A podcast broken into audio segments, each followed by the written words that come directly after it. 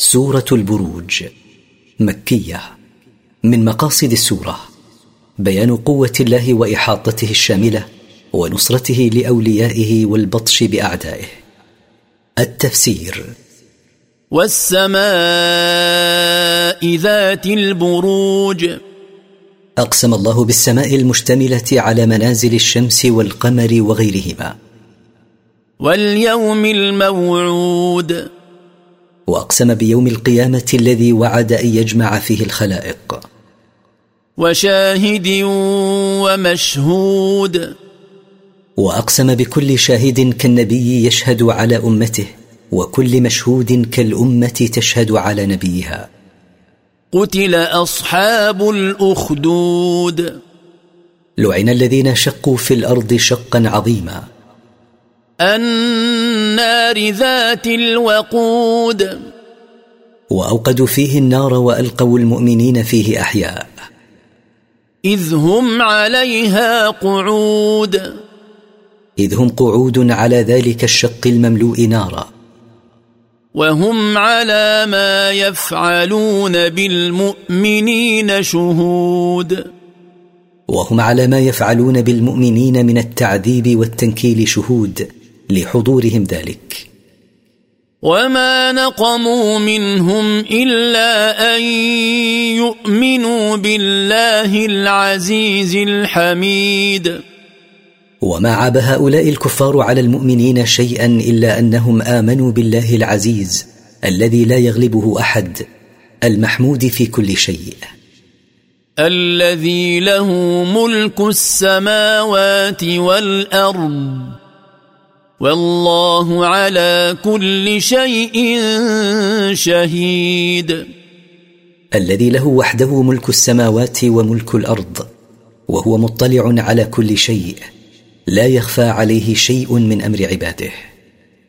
ان الذين فتنوا المؤمنين والمؤمنات ثم لم يتوبوا فلهم عذاب جهنم ولهم عذاب الحريق ان الذين عذبوا المؤمنين والمؤمنات بالنار ليصرفوهم عن الايمان بالله وحده. ثم لم يتوبوا إلى الله من ذنوبهم فلهم يوم القيامه عذاب جهنم. ولهم عذاب النار التي تحرقهم جزاء على ما فعلوه بالمؤمنين من الإحراق بالنار. إن الذين آمنوا وعملوا الصالحات لهم جنات تجري من تحتها الأنهار.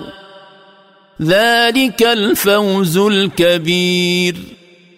إن الذين آمنوا بالله وعملوا الأعمال الصالحات لهم جنات تجري الأنهار من تحت قصورها وأشجارها.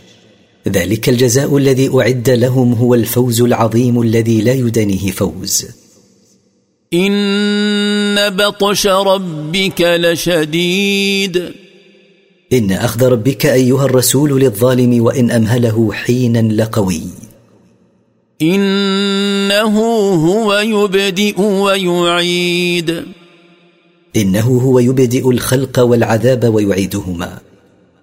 وهو الغفور الودود. وهو الغفور لذنوب من تاب من عباده وإنه يحب أولياءه من المتقين.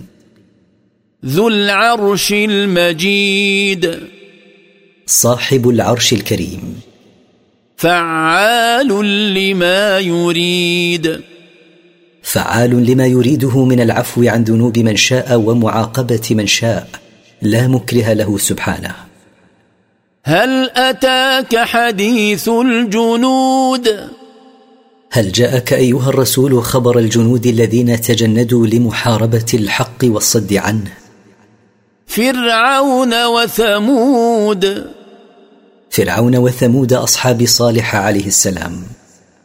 بل الذين كفروا في تكذيب. ليس المانع من إيمان هؤلاء أنهم لم تأتهم أخبار الأمم المكذبة وما حصل من إهلاكهم بل هم يكذبون بما جاءهم به رسولهم اتباعا لأهوائهم. والله من ورائهم محيط. والله محيط بأعمالهم محصيها لا يفوته منها شيء وسيجازيهم عليها. بل هو قرآن مجيد. وليس القرآن شعرا ولا سجعا كما يقول المكذبون بل هو قرآن كريم. في لوح محفوظ. في لوح محفوظ من التبديل والتحريف والنقص والزيادة.